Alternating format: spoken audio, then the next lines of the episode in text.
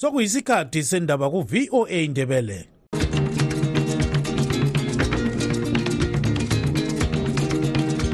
amatshono zihlobo siyalamukela kuhlelo lwethu lwezindaba eziphathelane lezimbabwe.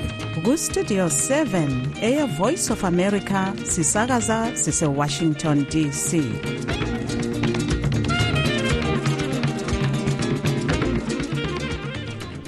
lami ngithathe leli thuba ngibonge uthando nokawande obesipha indaba ngolimi lwesishona.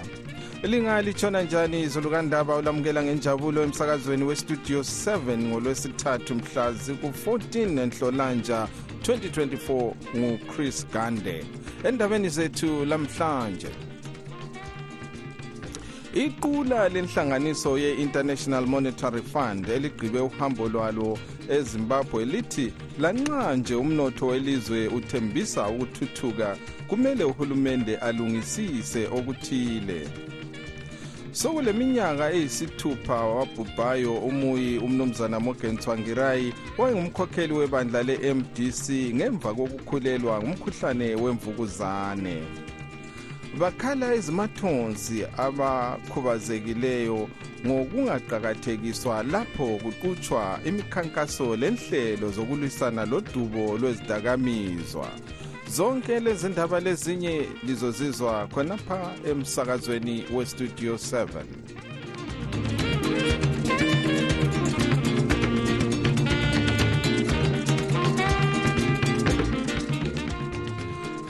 iqula lenhlanganiso ephathisa amazwe asathuthukayo ngemali ele-international monetary fund seligqibe uhambo lwalo kwelezimbabwe.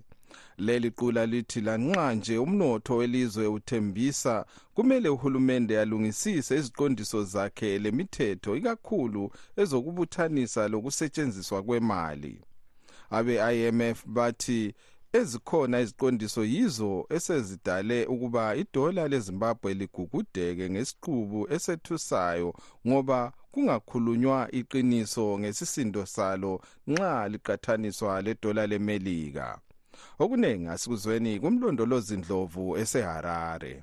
Lokhu kuphume emhlanganweni owenziwe phakathi kwesiphathamandla se-imf umnumzana watchseish mali zeweski lo mphathintambo wezemali umnumzana mthuli ncube umnumzana hojeyesh utshele intalezindaba ngemva kwalo mhlangano ukuthi uhulumende wezimbabwe kumele ayekele umkhuba wokusebenzisa imali ngendlela engayisiyo.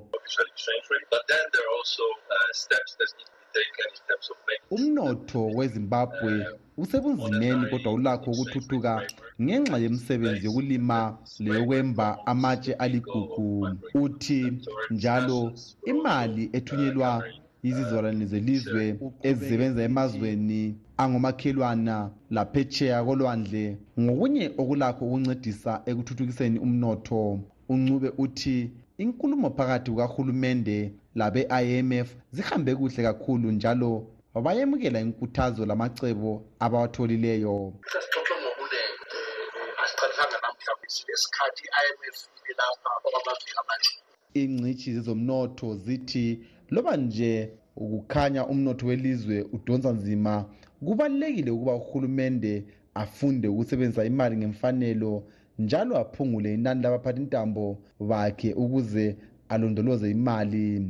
Enye yalezi ncitshi ngumnumzana rejoyce ngwenya osebenza lenhlanganiso ye-coalition for market and liberal economics othi udubo olukhona yikuthi uzulu kasamthembi uhulumende wezimbabwe. Lo lendaba ledwaba ledaba lwemali ukuswelakala kumbe ukusilela kwemali yangaphandle eh liqiniso ukuthi uhulumende wethu hayi umhulumende wakhona mkhulu kakhulu. Abaphathi ntambo banengi kumbe bangamachumi amabili lamahlanu eh ilizwe elincane kangaka. Eyinye ingcitshi ecubungula ezomnotho osebenza lenhlanganiso eye-center for disability zimbabwe umnumzana masimba kuchera laye ukhala ngokungathembeki kukahulumende ekuphumeni lemithetho engaphathisa ukuthuthukisa umnotho welizwe. Kuzaba nzima ukuthi uhulumende awenze ngoba i-economy isihijackwe ngama-cartels labo ababenefita from eh, i-currency distortion. Inhlanganiso ye-imf ithi umnotho kwele zimbabwe uzancipha ngokuyisilinganiso esedlula kancane okuthathu ekhulwini i-3.4 percent. Uthuthuke ngokuyisilinganiso sokwedlula kancane okuhlanu lengxenye ekhulwini i-5.3 percent nyakenye elezimbabwe. Lilezikwelete zamabhanga lezinye inhlanganiso efika phose amabhiliyoni angamachumi amabili 18 billion. Uma kubalwa lesehluleka ukuhlawulwa esibizwa ngesilungu kuthiwa ngama-arias ngimele istudio 7 ngiseharare ngimlondolozi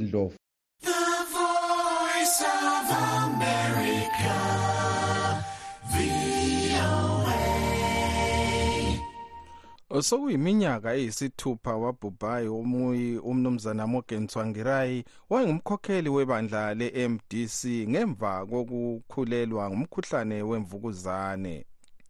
uTsvangirai watshona eseleminyaka yokuzalwa engamachumi ayisithupha lanhlanu 65 sixoxe lomunye wabasebenza loTsvangirai oyengunobhala oqoqa inhlelo zebandla le-MDC umnumzana Bednico Bebe yena othi umuyi wayeyindoda elesibindi njalo elesineke. Ubaba uTsvangirai um ngumuntu engitshengezelayo isikhathi eside kusela ngo-two thousand um isiba ngu-president we-MDC um lami ngakhula ebandleni uTsvangirai ngumuntu okade ekwazi ukuthi nxa esebenza labanye yebo ye empilweni ngaba lalokhu lalokhuya but wayekwazi ukuthi empilweni azizwe isikhathi sokulalela umuntu. Njalo wayezimisele kwi-strategy sezimbabwe um alibana ngiyathemba ukuthi alibana ngawukhona um ngibone ngani um ilizwe leli nga i-politics zangikhona especially the opposition. Mbonani ebezoziqhuba ngendlela enhle siyamkhumbula-ke namhlanje um nxa simkhumbula siyabe sikhumbula izenzo zakhe zokuthi she was ubengumuntu okade ezimisele kwi-strategy sezimbabwe uze wavula ezimisele kwi-strategy sezimbabwe um hhayi mina ngingathi yindoda emadodeni ngasengakhaya um yindoda eliqhawe ebuqhaweni bokuthi nxa sathi um silwa from ku-trade union size siyefika ngamapolitiki liqhawe ekade libela abantu liqhawe ekade libela abampofu liqhawe ekade libela um labana abakuthiwa ngabemzini kodwa bona bengabezimbabwe ubesilwa-ke ngaleyo ndlela umuntu okade ezimisele siyamkhumbula-ke fourteen february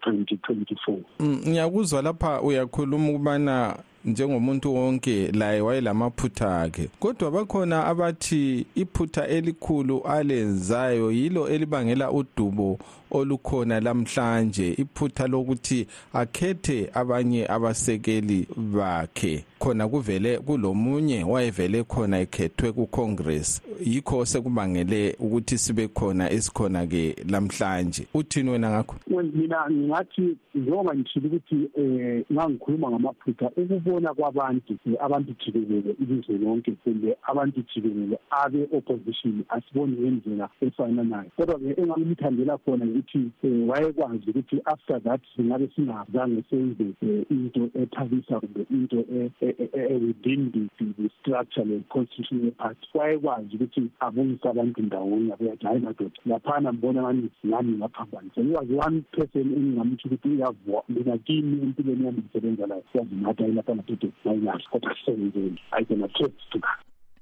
lo-ke ngumnumzana bednico bebe owayengunobhala oqoqa inhlelo zebandla le-mdc engomunye wabasebenza lo muyi umnumzana morgan richard twangerai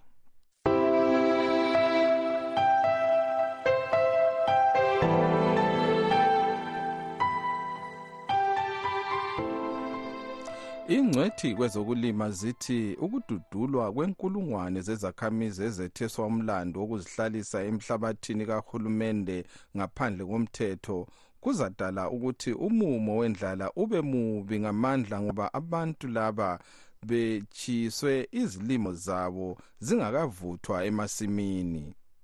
Uhulumende uxotshe izakhamizi lezi endaweni ezitshiyeneyo zelizwe ezigoqela egwanda emaswingo ekaroyi lasechipinge lapho amapholisa athi asebophe khona abantu abazinkulungwane phose ezine 3775 phakathi kwabantu laba abafika phose inkulungwane eyodwa 985 batholakale belecala yimthethwandaba njalo bagwetshwe ukupika okwenyanga eziyisithupha kumbe ukuhlawula ifayindi yekhulu lamadola emelika i-us 100 dollars elezimbabwe libhekane lendlala embi lonyaka njalo sikhuluma nje abantu abafika phose izigidi ezintathu 2.7 million badinga usizo lokudla oluphuthumayo.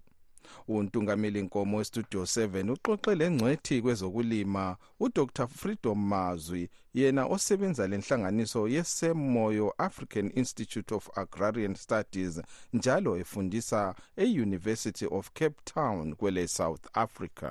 Liqiniso ukuthi ukududulwa kwabantu lokhu kuzabangela abantu ukuthi baswele ukuthi bephile njani sikhangele izimbabwe nthemba siyazi sonke ukuthi khona from 2000 bekungela misebenzi so abantu abaningi bebephephela besiya ngaphandle kwamanye amazwe abanye besiya bebuyela emakhaya ukuze bathole um ukuphila. Ngasihlolisa lathi sihlolisa sikhangele ukuthi abantu bebezi baphila njani sibona ukuthi emakhaya ngapha kuqakathekile. So kuzayenza ukuthi abantu behluleke ukulima behlele ukudla.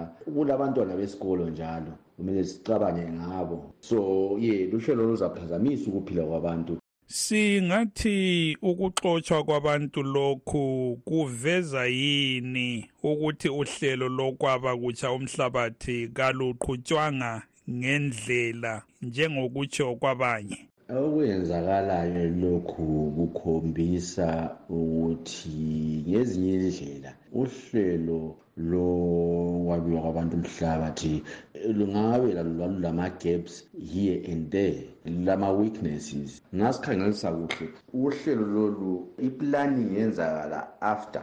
Resettlement ayenzakalanga before. Ngithemba siyaziyo ukuthi kathesi kule land audit eyenziweyo uhulumende athesi iphelile so kathesi indaba ebesikukhangele ukuthi sizwe uhulumende labantu bekukhuluma lakho yikuthi umhlabathi lo ongasetshenziswayo uzanikwa labo abantu abakhitshiweyo labo behle befake waiting list ngoba umuntu wonke as per umthetho welizwe i-constitution umuntu kumele abe le ndawo yokuhlala le ndawo yokulala. So ludaba olumele lulungiswe sibili lukhangelwe phansi nguhulumende abantu lathi thina abantu nxa singosobhuku lathi asenzeni izinto ezilungileyo.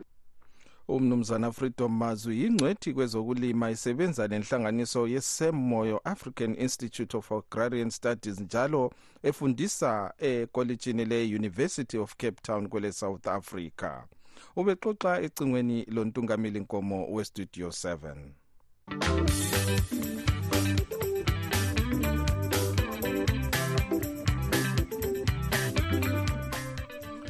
bakhala ezimathonsi abakhubazekileyo ngokungaqakathekiswa lapho kuqutshwa imikhankaso lenhlelo zokulwisana lodubo lwezidakamizwa lanxa labo lubathinta kakhulu ikakhulu ngalesi sikhathi isimo somnotho sisibi.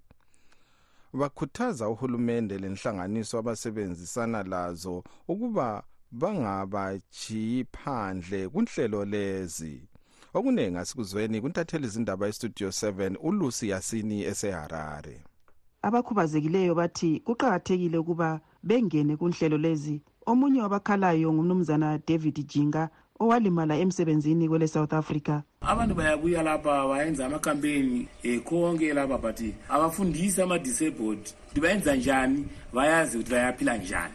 Unkosazana sukoluhle mhlanga okhubazekileyo njalo eyisiphathamandla senhlanganiso ye-muscular dystrophy association of zimbabwe. Uthi abameli babo kumele bengene kunhlelo ezitshiyeneyo ukuze lathi njengabantu abakhubazekileyo si-enjoye amalungelo sibe lempilo engcono.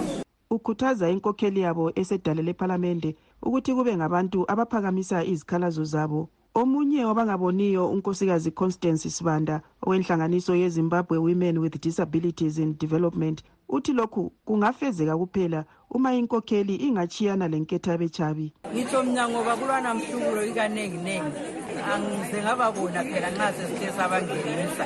Njalo kukalutshwana ukuthi wena uthi la uvela komunye umhlubulo uthi ake lingikhangele phela bakukhangela omunye wabasakhulayo oligqwetha eliphatheke kwezokulwela amalungelo oluntu ikakhulu abakhubazekileyo u-abraham mathetha uthi indlela esabalaliswa ngayo ulwazi lokulimukisa uzulu ngengozi yodubo lolu kayilotshwa ngendlela eqondileyo. Njengomzekeliso uzathola ukuthi kumakhampeyini amaningi ayenziwayo kuyabe kungela muntu kumbe abantu abasebenzisa i-sign language.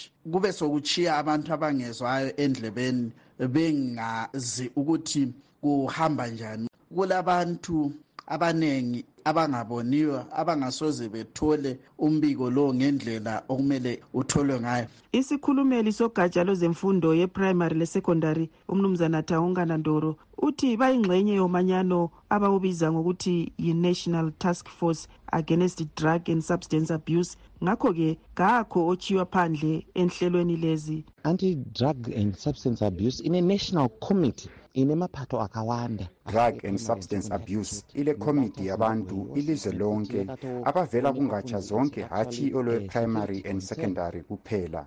Batholakala izimbabwe yonke ngoba sekwananzelelwa ukuba kuludaba oluyingozi kwezomvikela welizwe. Lumsakazo kawusanelisanga ukuzwa okuvela kumqondisi wohlangothi olubona ngendaba zabakhubazekileyo kugatsha lwezisebenzi lenhlalakahle kazulu udokotela christine beta obengaphenduli umakhalekhukhwini. Ngimele istudio 7 ngiseharare ngingulusi yasini.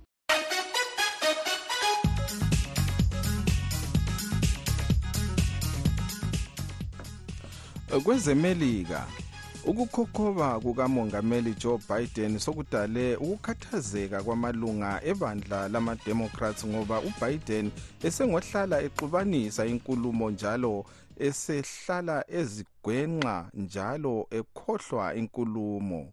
Ubiden oseleminyaka yokuzalwa engamachumi ayithoba minwe mibili lanye 81 lanxa ecatshangelwa ukuthi acatshangelwa ukuthi uzancintisana laye. Owake waba ngumongameli umnumzana donald trump laye eleminyaka yokuzalwa engamachumi ayisikhombisa lasikhombisa i-77 ubiden ukhanya enguye othwele nzima ngeminyaka yokuzalwa kwakhe. Ukuhlaziya lolu daba sixoxele olandela izombusazwe welemelika umnumzana rafael mthombeni hayi angithi sike sasake saqoqa ngalo udaba lolu eh ngibona ngathi sokungaba ngumnyaka singathi siyazama ukubona ukuthi kungahamba njani. Uyakhumbula ngisitsho sithi mina mina mbona ngathi lokungangcono ukuthi aphumule ukhulu ngoba ukhulu zekhulile kodwa kuliqiniso khonokho ukuthi akukhanyi kuhle ukuthi lanxa engaqeda term yakhe le angaqeda enye i-four years elokhu esemsebenzi manje nxa sikhangela ukubana akhanya ezancintisana laye umnumzana donald trump laye ngumuntu okhulileyo oseleminyaka engu-77 singathini nxa sikhangela ababili laba? Ikakhulu ngesikhathi ezayansuku lezi kulabatsha bona abafuna ukuthi bakhokhele. Khonokho okukhulunywa ngulo umama wancintisana laye uhaley kuliqiniso sibi ukuthi laye vele kakusela lutho. Usengukhulu nje ukuthi angangena uzabe sekuwo-eighty khona ngale nxa eseqeda umsebenzi. Ithemu yakhe le ayilwisayo kanti bona bobabili mina ngokubona kwami ngibona ngathi ngabantu osokumele ukuthi ngabe bayaphumula bayayekela lokhu abakwenzayo. Bakhangela okunye empilweni zabo baphumule. Kuyenzakala yini ukuthi kukhethwe omunye owebandla lama-democrats? Mina mbona ngathi okungenzakala ukuthi isikhathi sikhona. Ye mina ngokubona kwami baba kanti ngibona ngathi isikhathi sisesekhona. Isikhathi ngibona ngathi sikhona ukuthi nxa kuyikuthi bona ama-democrats engavumelani bakhethe omunye umutsha ongangena ancintise ngoba nxa ngikhangele mina mbona ngathi kungangena umuntu omutsha ohlakaniphileyo bese kusithi lo utrump alele khona. Lo mutsha ubeza nqoba ngoba abantu vele ungakhangela lokho okuthiwa ngama-polls bayasola khonokho ukuthi akuhambelani khona lokho ukuthi laba madoda asemadala lapha emsebenzini. Lo-ke ngumnumzana rafael mthombeni olandela izombusazwe welemelika. Ubexoxa ecingweni lestudio 7 esetexas khonapha kwelemelika.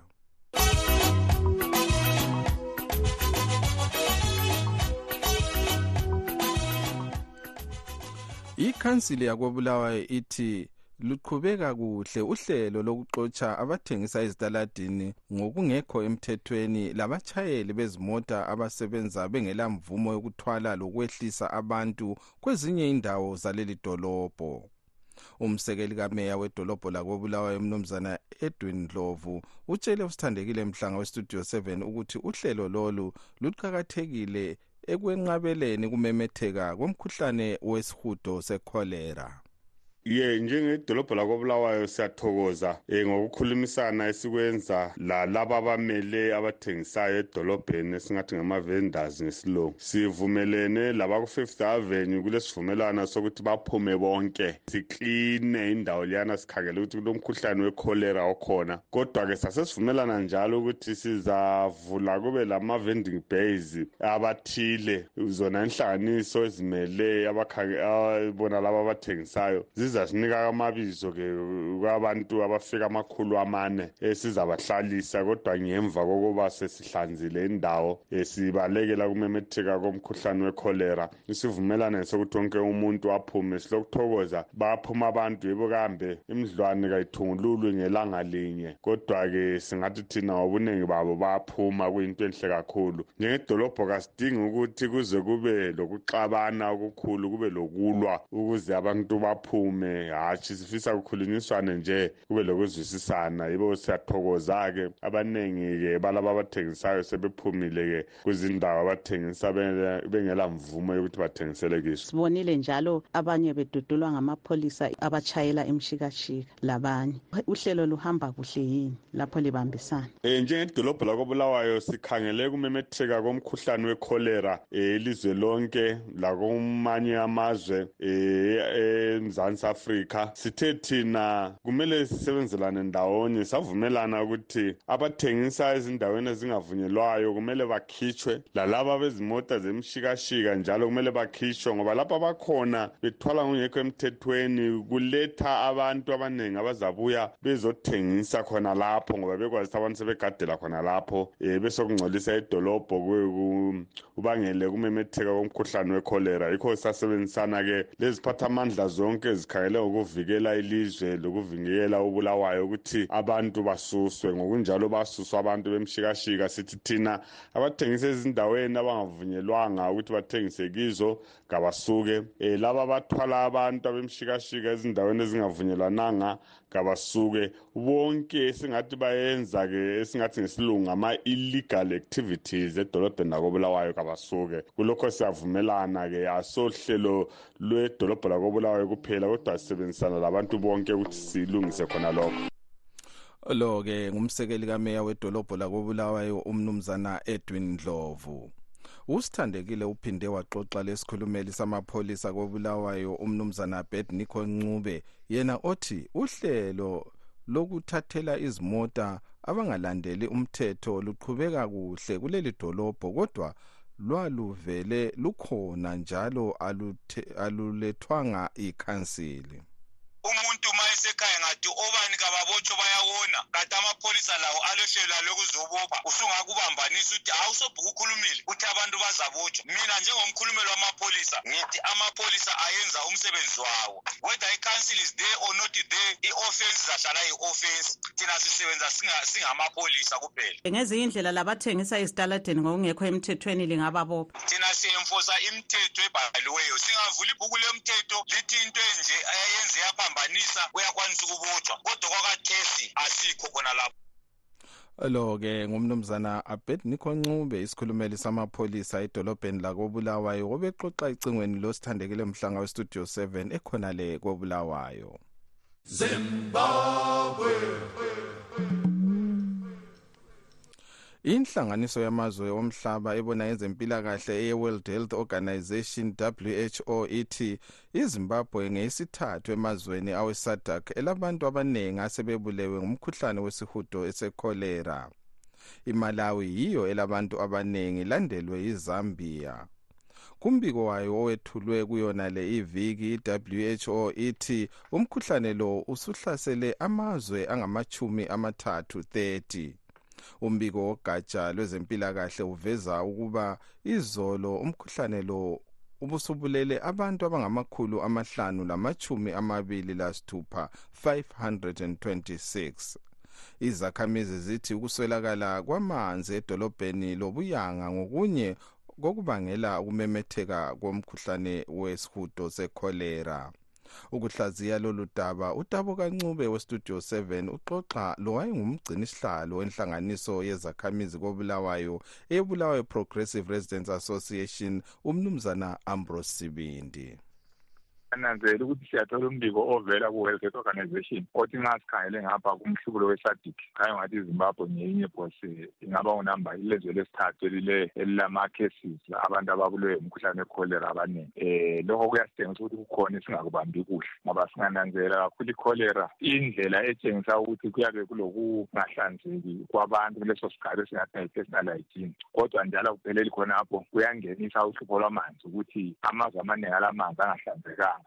Ayavuma ukuthi abantu begcine behlaselwa yilowo mkhuhlane. Um njalo futhi sinanzela ukuthi amazwe lawa kumbe amadorobho abe la ukuthi nxa elama-sewer pipes lamanzi nxa ungatshebana kwenza lo mkhuhlane umemetheke so ngamafitshane sizama ukuthi njengezimbabwe sithula lapho esingabambi khona indaba yethu. So kufanele sinanzele ukuthi ezempilakahle siyaziqakathekisa um abantu bafundiswe futhi ukuthi nxa ukuthi nxa besenza ukuthi baziphathe njani bangena ezambuzini bageze izandla konke lokhu yimfundiso yabo neshotayo ebantwini. Yikho sibona ungathi lumkhuhlane ezimbabwe khanya uyaqansa okwedlula phose amanye amazwe amaningi kulomnyaka umkhuhlane lo uqalile eh ukuhlasela eZimbabwe eh libona sengathi amanyathelo athethwe lilizwe singabona emisa umkhuhlane lo na ngalesi sikhathi ususabalele wagcwala phose izabelo zonke zelizwe?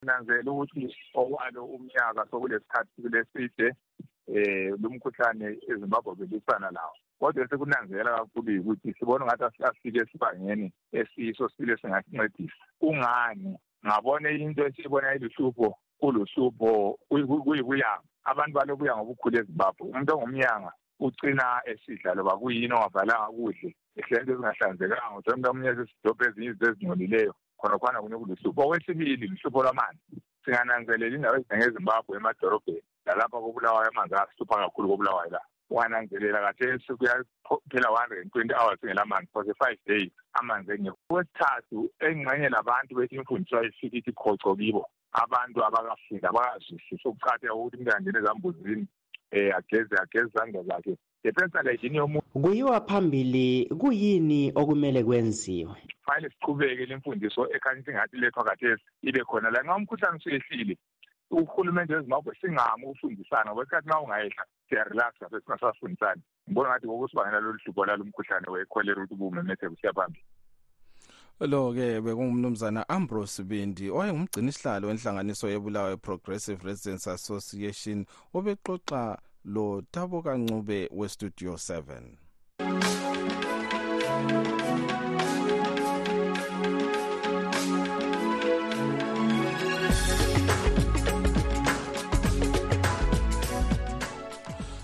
kuhlelo lwe-live talk lamhlanje olwe-diaspora forum sikhangela inhlupho ezibhekane labaphila ngokuthenga bethengisa emigwaqweni elizweni laphandle kwelizwe.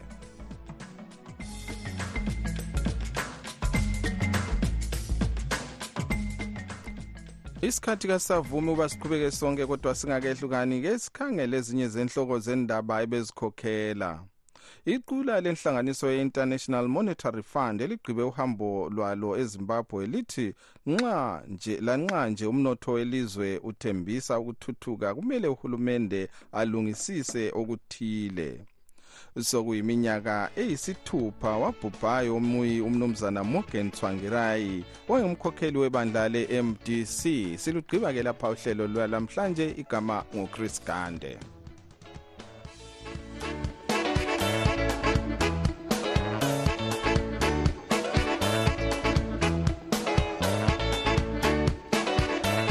siyalibonga ngokulalela kwenu. Asibeke ithuba elifanayo kusasa kustudio 7 kusukela ngo-half past 7 kusiya ku-8 o'clock ntambama kuhlelo lwezindaba zezimbabwe. Tinotenda nekuteerera chirongwa chedu. Teererai zvakare mangwana kubva na7 p m kusvika na730 p m. Apo tinokupai nhau muririmi rweshona. Lilani. Murara zvakanaka mhuri yezimbabwe